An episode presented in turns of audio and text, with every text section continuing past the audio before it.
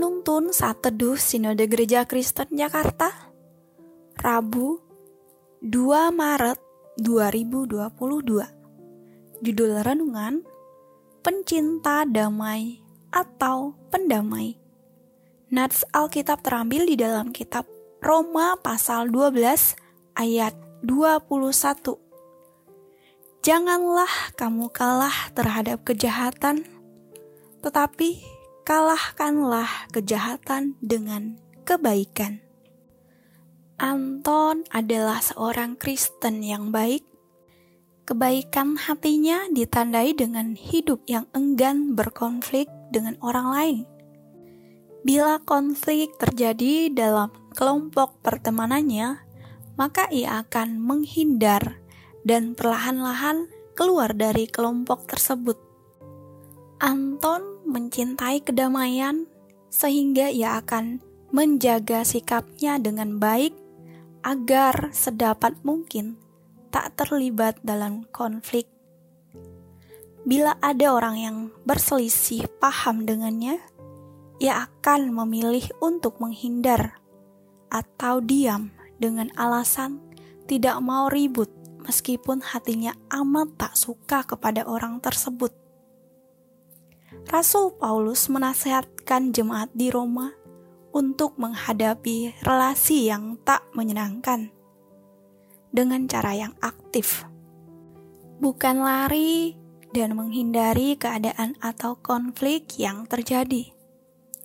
Menjadi pembawa damai berarti melakukan sebuah tindakan aktif untuk menuntaskan masalah-masalah yang sedang dihadapi agar sedapat mungkin persoalannya selesai. Membawa damai berarti mengambil risiko untuk disalah mengerti. Bahkan terkadang usahanya tidak dihargai dan tidak berhasil. Janganlah kamu kalah terhadap kejahatan. Tidak boleh kita artikan sebagai tindakan mengalah demi kebaikan Mengalahlah dalam artian menghindar dan tak mau berurusan lagi dengan masalah adalah sikap yang tak sesuai kebenaran.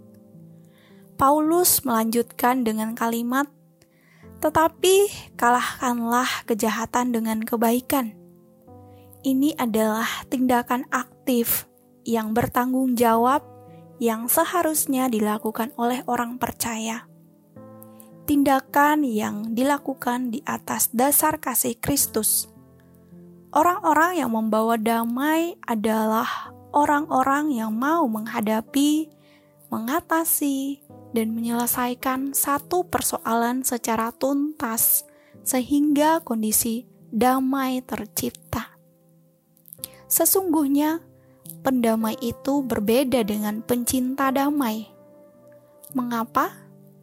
Karena pencinta damai hanya melalui berbicara tentang menikmati damai seorang diri dan tak mau mengusahakan damai dalam keluarga atau komunitasnya.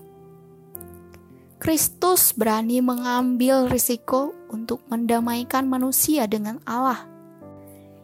Ia siap menanggung risiko disalah mengerti, dicurigai, bahkan dibenci oleh kalangan yang mempertahankan status quo kala itu. Bagaimana dengan kita? Apakah kita berani menghadapi konflik dan dengan kasih Kristus berjuang untuk menyelesaikannya? Apa masalah yang sedang berkecamuk di keluarga, gereja, dan lingkungan kita di era pandemi ini. Jadilah pendamai, bukan sekedar pencinta damai.